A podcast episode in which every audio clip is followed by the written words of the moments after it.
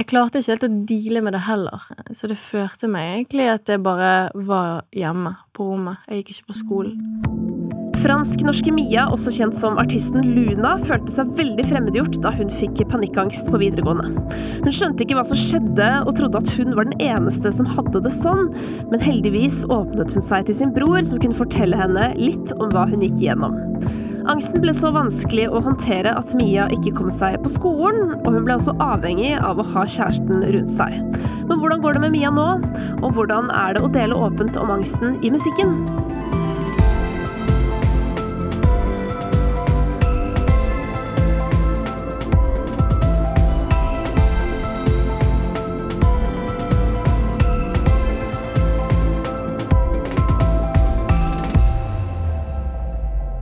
Hjertelig velkommen hit, Mia. Tusen takk. Du, hvordan har du det med å være gjest i Noia? Det er en ære. Eh, Jeg syns det er veldig viktig og superfint og veldig trygt å ha denne plattformen, da. Der kan man faktisk gå litt sånn dypt inn i våre tanker og opplevelser og alt mulig. Så det Og jeg får ofte mange spørsmål, altså spørsmål på intervjuer om angst, eh, for jeg snakker jo veldig mye om det i musikken min. Eh, Men jeg føler at jeg vil ha et slags skille mellom Altså musikken min og angsten min, eller det mentale. Eh, At det er noen intervjuer der jeg kan gå mer i dybde om det. Mm. Og så andre ganger der vi snakker bare om musikken eller om video og alt mulig. Mm. At de ikke alltid blir blandet. Nei. Det skal du få mulighet til å slippe i dag, yeah. den blandingen. Um, og vanligvis så pleier vi jo å prøve å bli litt sånn kjent med, med når du opplevde angst for første gang. Mm. Uh, kan du huske det?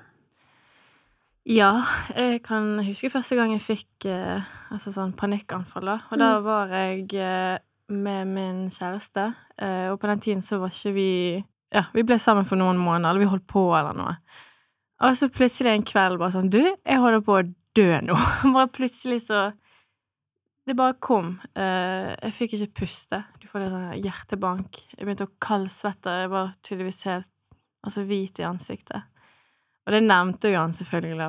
Du er helt hvit i ansiktet. Jeg var sånn, «Ah, det blir, jeg blir jo bare verre av det. Hva slags type setting var det? Vi var hjemme hos han, Uh, og på den tiden, det var i 2016-17, plutselig så kom eh, hjertebank.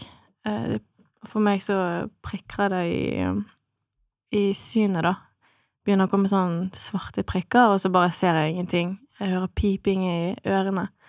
Så det, for meg er det akkurat som før du besvimer. Den følelsen får jeg. Så da husker jeg bare at ok, nå må du ringe ambulansen snart, fordi jeg kommer til å dø, det er noe gale. Um, og så husker jeg at jeg hadde hette på meg. Og så tok han av hetten, og da fikk jeg mye mer luft, da. Bare sånn generelt. Og jeg føler noe med ørene. Det er noe jeg har gjenkjent, at hvis det er varmt med ørene, hvis jeg har lue, så må jeg ta den av, og da får jeg liksom luft, og tar opp håret og prøver å få den til å blåse meg i nakken, og Men, eh, men det er jo dritskummelt når du ikke peiling på hva det er som skjer, liksom. Ja, fordi han tok av deg hetta, Mm. og hva skjer videre? Da bare sakte, men sikkert så roer det seg ned. Jeg begynner å se igjen, jeg begynner Altså, pipingen går ned. Og bare den ekle følelsen når du kaldsvetter og du er svimmel, den bare Ja, går vekk etter en stund. Dette var da ditt første panikkanfall. Ja. Eh, Etter du har roa deg ned da, eh, hva kjenner du på da? Jeg tror Altså, da ringte jeg mamma eh, og bare forklarte, da. Um, og hun eh, Min bror Leo, eh, han har faktisk gått gjennom dette selv, og har hatt angst eh, selv. Så jeg snakket veldig mye med han, da. Men eh, det er jo den angsten for å få det igjen. Altså, plutselig skulle jeg spille konserter og ha intervjuer, og det var jo helt nytt. Så du får den angsten at Tenk om det skjer noe, eller på bussen, eller på Bybanen, eller i han, altså når du handler og Jeg klarte ikke helt å deale med det heller, så det førte meg egentlig at jeg bare var hjemme på rommet. Jeg gikk ikke på skolen. Jeg eh, var hjemme og bare hadde angst hele tiden. Det var en periode det var konstant angst. Men dette var på videregående? Ja. Mm. VG1. Hva slags øh, følelser var det du kjente på? Altså, det var jo den frykten å få det igjen. Um, og så, på den tiden der Jeg, jeg har merket en forskjell på at det er mange flere som snakker om det nå. Uh, det kommer mer ut at folk har det, og da ble det typ normalisert på den måten at man føler seg mindre alene. Men på den tiden så var det ingen andre enn Leo som jeg kjente, som hadde det. Ja, jeg bare visste ikke at det var så mange som hadde det, Uh, og da føler jeg meg Altså, jeg følte meg veldig alien. Eh, og jeg bare følte ikke meg vel i den klassen jeg var i da. Så det bare Jeg gikk aldri på skolen de årene der jeg har hatt hjemme-type skole, liksom, fordi det har bare vært en blanding av at jeg fikk angst, så da deltok jeg ikke så mye i klasseaktiviteter og bare generelt, så da faller man lett utenfor og får angst til å komme fordi man er ikke utenfor, men man er ikke like nær som de er, da. Så da begravde jeg meg sjøl litt der, eh, i angsten, at jeg bare ble hjemme og jeg hadde studieavtale hjemme, liksom. Hvordan påvirka det deg? Altså det der, den følelsen av at, at du visste på en måte at du hadde tatt et steg til siden fra, fra resten av det, det, de såkalt alle andre gjorde? Mm. Jeg følte meg faktisk veldig Altså at jeg ikke var uh, Hadde sosial kompetanse til slutt. At jeg ikke visste hvordan det var å møte nye folk og snakke med nye folk. Så jeg tror det gikk litt om til sosial angst. Men det var virkelig den alien-følelsen, og jeg ville ikke at folk skulle vite det, egentlig. Som er egentlig ganske ironisk, fordi det er det sangene mine handler om, da. Mm. Men jo, jeg var så redd for at folk skulle bare Hva er hun holder på med? Og hvis jeg drev og svettet som en gris i klassen fordi jeg begynte å stresse, liksom Bare sånn Hva er det hun holder på med? Hvis jeg måtte ut og ikke være, kunne ikke være med på de samme aktivitetene, eller det ble liksom snøball om til at jeg bare isolerte meg helt. Um. Men hadde du følt på, på liksom noe utenforskap før du kjente på panikkangst? Nei. Jeg var veldig sosial før. Veldig sosial. Og elsket å møte nye folk. Og på ungdomsskolen. Så, og aldri vært liksom på ungdomsskolen, så var jeg liksom en av de rare, eller en av de geeksene som ikke var liksom eh, de populære, da. Um, og da var jeg ikke redd for å være det heller. Uh, men plutselig så Ja, skjedde det. Men da du eh, begynte å liksom være hjemme fra skolen, uh, fikk du noe respons eller noen reaksjoner fra klassekamerater, eller? Nei. Eller jeg fikk jo selvfølgelig spørsmål mm. om det, men det var da så lite at de fikk kanskje ikke spurt heller. Um, men jeg tror de skjønte det til slutt. Uh, også at de fulgte jo med på musikken og alt mulig. Så jeg tror de forsto hele greia. Har du på en måte drevet og forska litt på sjøl sånn hva, hva, som har liksom ledet opp til at det skjedde? Ja, jeg tror det blir litt sånn rart å ikke gjøre det når det er så kraftig, og bare generelt å ikke gjøre det. Problemet er at jeg har hatt så uh, dårlige erfaringer med psykologer av de jeg har uh, vært anig da. Så jeg måtte typ gjøre det selv gjennom masse, masse skriving. Når jeg bodde i Chamonix, da, så uh, bodde min farfar Bygde et kjempestort hus med forskjellige leiligheter inni. Der i en av de leilighetene så bodde min farmor, min mami, som jeg har tatovert her. Uh, og så bodde vi i en annen, og så de andre leilighetene var leid ut, da. Så jeg var veldig, veldig nær min bestemor. Jeg ble veldig glad i henne. Og så um, fikk hun kreft når jeg var 13. Hun har hatt diverse kreft før det, uh, men den kreften der, det var den som uh, tok henne, typ. Um, og det var en av de verste tingene som har skjedd meg. Og jeg um, Som 13-åring så hadde jeg aldri opplevd død på den måten. Jeg tror min far ble så knekt av det at uh, vi snakket ikke om det i familien. Og for meg som aldri har opplevd noe sånt før på den alderen, å miste noen så nær, uh, ja, og ikke snakke om det, det, det førte meg til et veldig mørkt sted, i tillegg til puberteten, der jenter og bare gutter får masse tanker, da. Det er noen av de eh, mørkeste årene jeg har hatt, da. Mm. Eh, sånn de tre årene etter det. Men så hadde du jo din bror, Mm. som hadde kjent på noe av det samme som deg. Ja. Hva kunne han fortelle deg? At det går over. Og litt det at det er en grunn til at det har kommet. At kroppen din prøver å fortelle deg noe. Og jeg husker jeg hørte på en podcast av Vegard Harm som snakket om det på den tiden. Og da jeg kjente meg litt sånn frustrert på grunn av at jeg var redd, da, fordi han sa at angst er noe man aldri blir helt kvitt, med, man bare lærer å le, altså, leve med det. Uh, og det husker jeg bare Åh, det gidder jeg ikke, liksom. Jeg vil at dette her skal gå over. Jeg vil ikke ha dette her for resten av livet. Men uh, det er jo sant. Altså, jeg har angst akkurat nå, men jeg klarer liksom å holde meg eh, Ja. Og det som er morsomt, er at noen ganger når jeg har et angstanfall nå, så kan jeg ha en samtale med noen og bare gi meg to sekunder, for jeg står og liksom kaldsvetter og liksom er skikkelig svimmel og Ja. Det er noen ganger jeg har prøvd liksom å reise meg, og så holder jeg på å altså falle og bare sånn ta det med ro, og så bare kan jeg snakke med folk nå og fortelle de kan du åpne vinduet, vær så snill, jeg er veldig varm, eller bare snakk med meg, det kommer til å gå over veldig Så det er jo sant, man lærer jo å leve med det, men det er jo drit. Ja, for meg har egentlig det vært en litt sånn eh, slags forsvarsmekanisme, og litt sånn for å gjøre livet lettere Mm. i en periode, fordi selvfølgelig så hadde det vært sinnssykt digg hvis det blir borte, og det kan jo hende at kanskje om ti år eller Mm. fem år eller to år, eller jeg veit ikke, at det liksom ikke er en del av livet mitt lenger. Mm. Men det blir bare så utrolig skuffende hvis målet er at det skal gå over 1. januar 2021, hvis du skjønner? Mm, ja. Og da er det jo litt sånn bedre sånn som ja, du beskriver, da, å tenke at ja, det er der, men Mm. jeg tror det kan gå bra for det, da. Mm. Um, og så er det jo perioder hvor det, i hvert fall for mange, dukker opp i mindre omfang. Mm.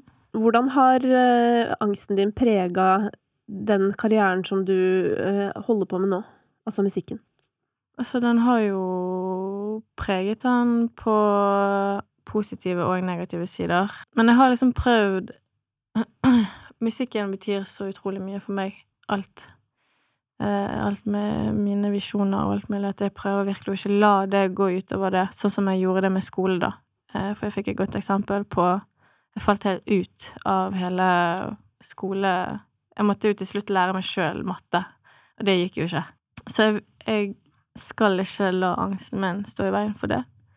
Så jeg, jeg føler det har hatt en fin snøballeffekt på den måten at jeg bruker skriving generelt, og ikke bare skriving av sanger eller dikt eller hva det skulle være, men bare skriving generelt. Det er noe jeg har gjort. Det er det som fikk meg gjennom altså døden til min bestemor, at jeg skrev og skrev og skrev og skrev hva jeg følte. Um, og det er jo blitt om til tekster som folk har relatert til, da. Så på den måten så har jo angst vært positiv, fordi det har Folk kan relatere og føle seg mindre alene. Og hadde det ikke vært for den, så hadde du kanskje ikke skrevet i det hele tatt. Mm, akkurat. Men, øh, men det å velge da den veien du har gjort, da, hvor du øh, er artist, øh, og mange ser på deg Det er rart.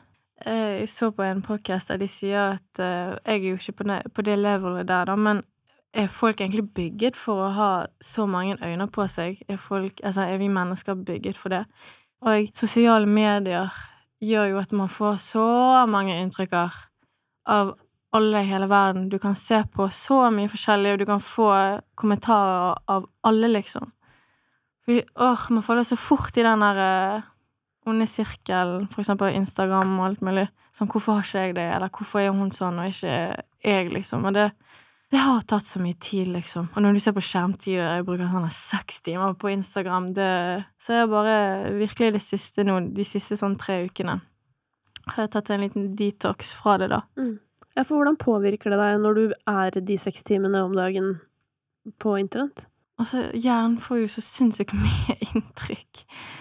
Altså, du ser på det i en evighet, akkurat som TikTok. Du kan, det er jo designet sånn at du kan se på det i en evighet, og altså, for meg ble det virkelig ikke positivt, og jeg tror det er den blandingen av at jeg har altfor høye forventninger til meg sjøl. Så det mikset med sosiale medier for meg er virkelig ikke noe eh, for meg. Jeg vil øh, ønske velkommen til øh, psykologen vår, Karina Karl. Hei. Vi skal jo være veldig gode på alle, alle steder i hele verden for tida. Mm. Og ironien er at vi alle sitter bak hver vår mobiltelefon og har det egentlig litt dritt, og lurer på hvorfor alle andre har det så bra. Mm, akkurat. Nettopp. Det er jo det som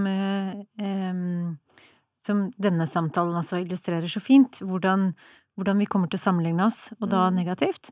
Og vi tror at alle andre har det veldig annerledes enn det vi selv har det. Og det er jo nettopp den store faren ved sosiale medier. Mm. Mia, da du slutta å gå på skolen, eh, tok du det valget selv, eller var det bare sånn at du ikke klarte å gå dit? Eh, det var nok begge, begge deler. At jeg ikke klarte, men jeg tror at jeg lot meg sjøl synke litt lengre eller dypere enn det jeg burde hatt. At til slutt så var det sånn Nei, men jeg har angst. Jeg kan egentlig ikke gjøre det. Fordi tenk hvis jeg får angst. At jeg stoppet meg sjøl veldig raskt. At til slutt så gjorde jeg absolutt ingenting. Og det gikk jo utover både meg, men også mine nære, at jeg gikk aldri ut med de, eller at jeg gikk Jeg gjorde aldri noe sosialt, da. Dette er jo den berømte angsten for angsten, som vi har snakket mye om. Jeg opplever jo den som mitt hovedproblem. Mm. Ikke panikkangsten i seg selv, fordi den kommer og går, på en måte, men angsten for angsten, den består, for å si det mm. mildt. Uh, og den er spesielt etter et sånt første møte, Karina, virkelig det som må bli tatt tak i. Absolutt, uh, og jeg tenker at der er det jo mangelvare også generelt uh, hva angår informasjon om hva som egentlig skjer i kroppen, fysiologisk forklaringen på de reaksjonene som skjer, hva angst egentlig er, hva som er sammenhengen mellom tanker og de kroppslige reaksjonene som angsten gir, og følelser. Eh, det er for lite informasjon om det. Jeg får lyst til å nevne også angsten for ubehag, eh, fordi veldig mange, opplever jeg, jobber veldig hardt for å unngå det som er ubehagelig. Unngå negative mm. følelser. Som om det er noe feil, eller som om det er noe man ikke tåler. Det er mange forklaringer på hvorfor man unngår det.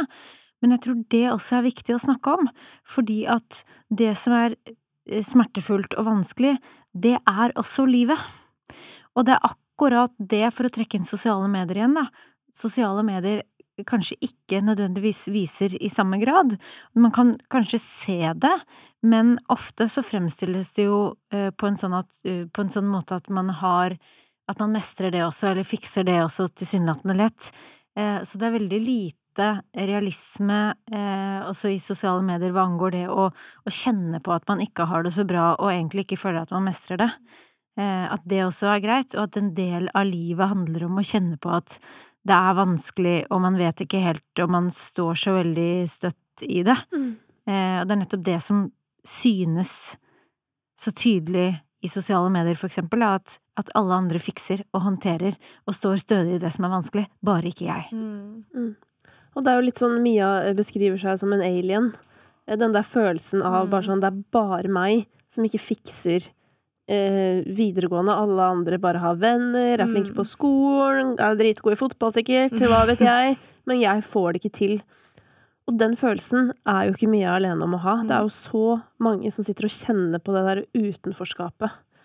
Vanlige tanker som 'det er bare meg', eh, 'hva er galt med meg', eller 'det er noe galt med meg', eh, sånne type tanker som på en måte legger til rette for en sånn følelse av å være avskåret fra feil, annerledes, eh, og ikke høre til, eh, og at det nettopp er noe, noe galt. Men um, Mia, da du Altså de åra du var hjemme, da, og etter hvert begynte å isolere deg, um, var det bare angst du kjente på da, eller ble det òg liksom andre uh, vonde følelser?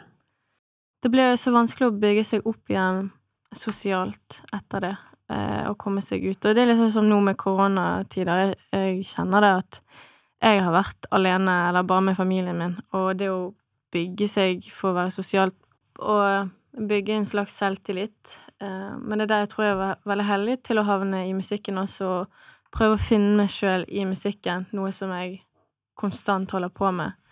Um, at jeg kunne nesten forsvinne meg i karakteren Luna.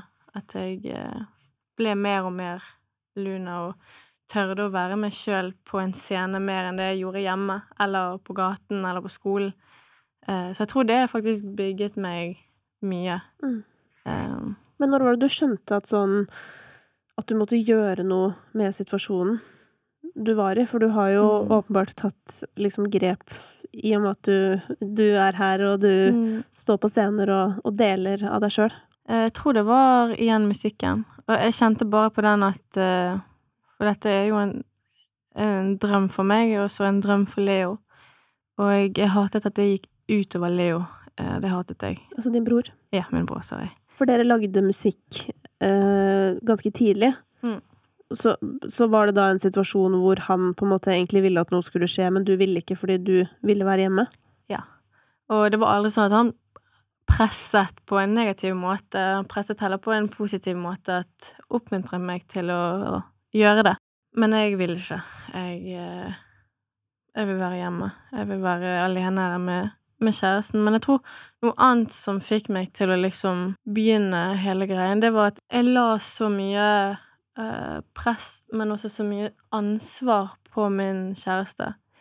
Fordi han var det først Altså, første gang jeg fikk det, så var han der. Og det gjorde at meg og han knyttet et, et bånd, da. At han kunne se på meg når jeg var dårlig.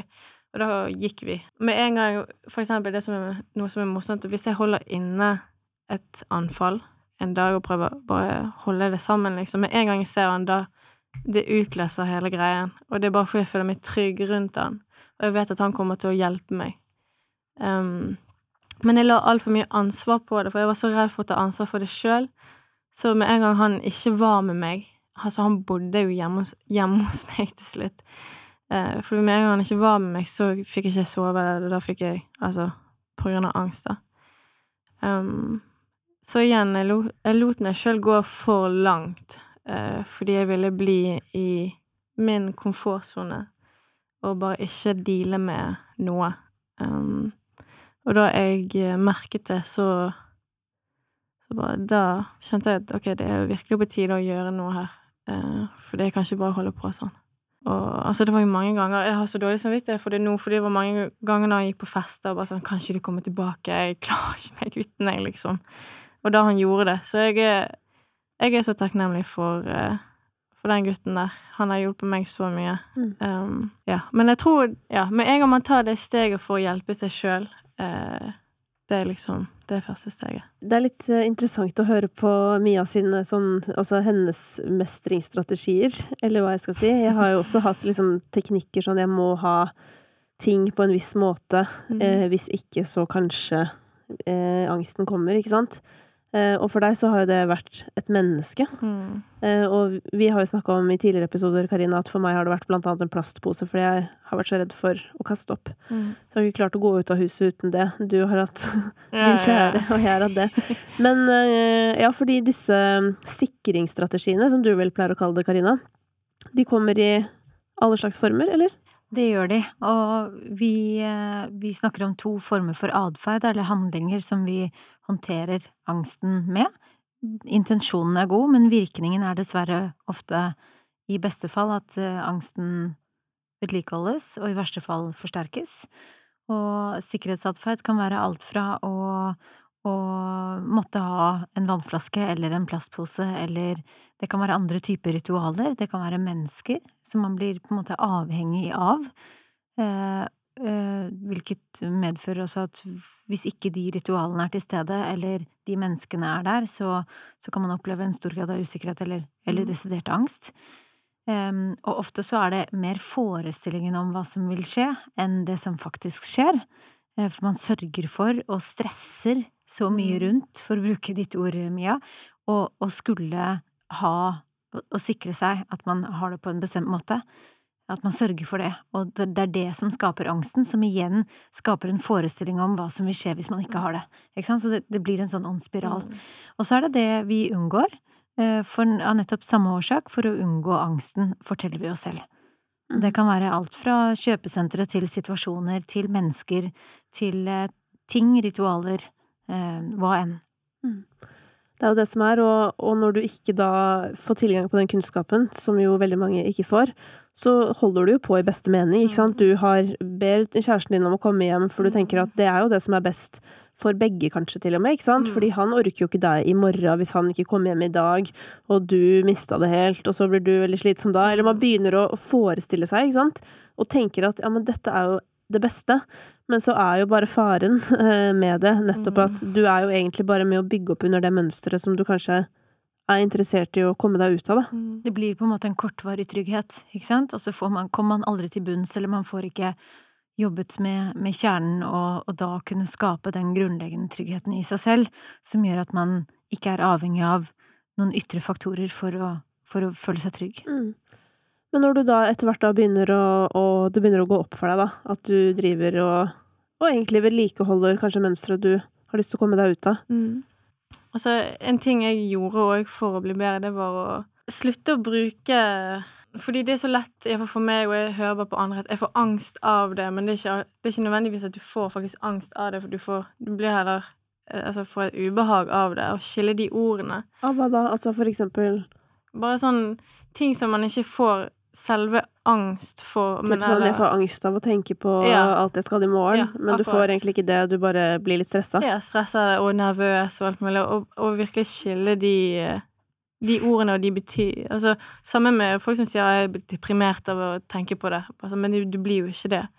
For det er jo så enkelt bare 'Å, jeg er deprimert', åh, altså, så, så, så synd i seg sjøl, liksom. Men å prøve å steppe ut av det og bare Men er dette bare en dårlig dag, eller er dette Er det noe som har trigget dette, eller For man havner fort i den eh, ja, den tankegangen, og jeg føler den tankegangen kan noen gang gjøre at hvis det hadde vært én dag som hadde vært dårlig, at det forlenger det til flere dager, fordi jeg tenker åh, nå er ting nede, nå er jeg så nede, eller du er inne på noe viktig, Mia, fordi at eh, vi må skille mellom det som er normale reaksjoner, eh, at man blir urolig, bekymret, engstelig, Mm. Og som ikke har med desidert angst å gjøre. Det, vi skiller mellom det som er normale reaksjoner, og det som er og tilhører altså det vi vil betegne som diagnosen angst, da. Mm. Og det, det handler også om av respekt for de som faktisk lider under angst. akkurat. Sånn at man på en måte ikke skal kaste rundt seg med det ordet som om, som om det er noe hverdagslig og, Mm. og enkelt, Mm. men å faktisk eh, respektere de som, de som daglig lider under det. Mm. Jeg syns òg det, er- det høres jo ut som du har gått til psykolog som har fungert på en eller annen måte, eller så er det bare at du har forsket mye selv, men dette her med å legge mye vekt på en dårlig dag, det er så skummelt, fordi eh, jeg opplever jo at liksom overanalysering og grubling, det er jo det som eh, innimellom kan lede til noe som faktisk ligner på en lettere depresjon, Mm. fordi du blir så ekstremt opphengt i hvordan du selv har det. Mm. Eh, og så begynner du å tenke på at du har det dårlig, og så kommer alle den 'Å ja, jeg, å ja se på de, ja. Jøss. Mm. Han har tolv venner, han. Hvor mange har jeg egentlig? Har jeg to? Eller vent litt, nå må jeg Nei, jeg tror egentlig ikke hun liker meg lenger. Eller du vet den derre Da har du det jo liksom virkelig gående, da, og det er jo det som er eh, Det er fascinerende da med menneskesinnet hvor mye vi faktisk kan ødelegge Mm. for oss sjøl. Det er derfor det er så viktig at vi snakker om hva tanker er, hva følelser er, og hvordan sinnet egentlig fungerer, sånn at vi er godt kledd på i møte med livet til å forstå mekanismene og hva som faktisk skjer.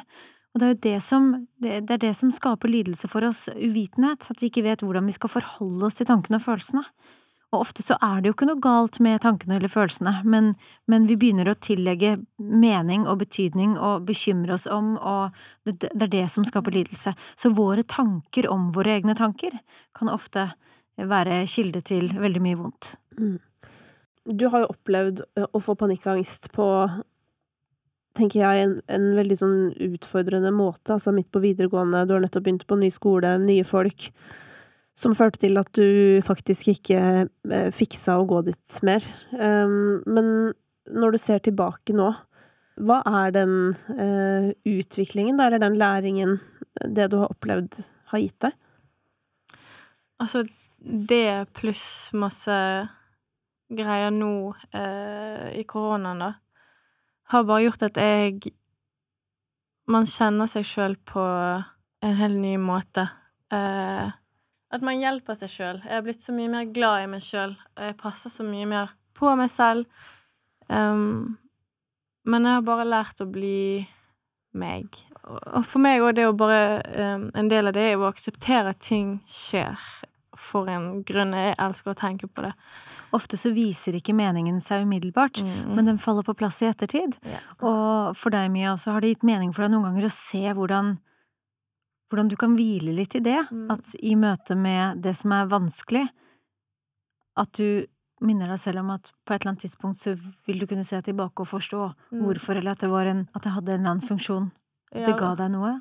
Jeg syns også bare at din historie, Mia, er et så Eller det illustrerer så fint eh, noe av det viktigste med hele dette prosjektet, som handler om at at vi må liksom prøve å ikke la angsten stå i veien for det livet vi ønsker oss. Og du ønsker å gjøre musikken, og det er Mm. drømmen din. Og du vil leve av den, og for å leve av den så er du på en måte nødt for å eksponere deg. Akkurat. Og du har eh, på et tidspunkt i livet ditt klart å ta de grepene som Mm. gjorde at den ikke lenger fikk lov å sette en stopper for det som er drømmen din, da. Mm. Og det er skikkelig fint. Takk. Ja, det, det er fint for meg sjøl òg. Som sagt, jeg er blitt mye mer glad i, i meg sjøl, og da, da blir jeg stolt av det jeg har gått gjennom, da. Mm. Uh, så ja, klapp. Det er jo det er viktig å gi klapp på skulderen til seg sjøl, Ja, absolutt. fordi det er jo ikke enkelt, herregud. Nei, og jeg tenker bare, nå har jo du mestret dette allerede i en alder av eh, 20. Mm. Um, og det tenker jeg også Eller jeg håper det kan være til inspirasjon for mange andre der ute. Fordi at det er så lett å grave seg ned. Og så er det noe med å bare ta det steget ut uh, og se på liksom hva, det, hva gjør jeg nå? Er det Mm. dette jeg vil? Vil jeg unngå masse forskjellige ting Mm. fordi jeg er redd for hva som skal skje? Eller er jeg villig til å ta risikoen på et godt liv, da? Som Mm. det jo egentlig handler om i bunn og grunn.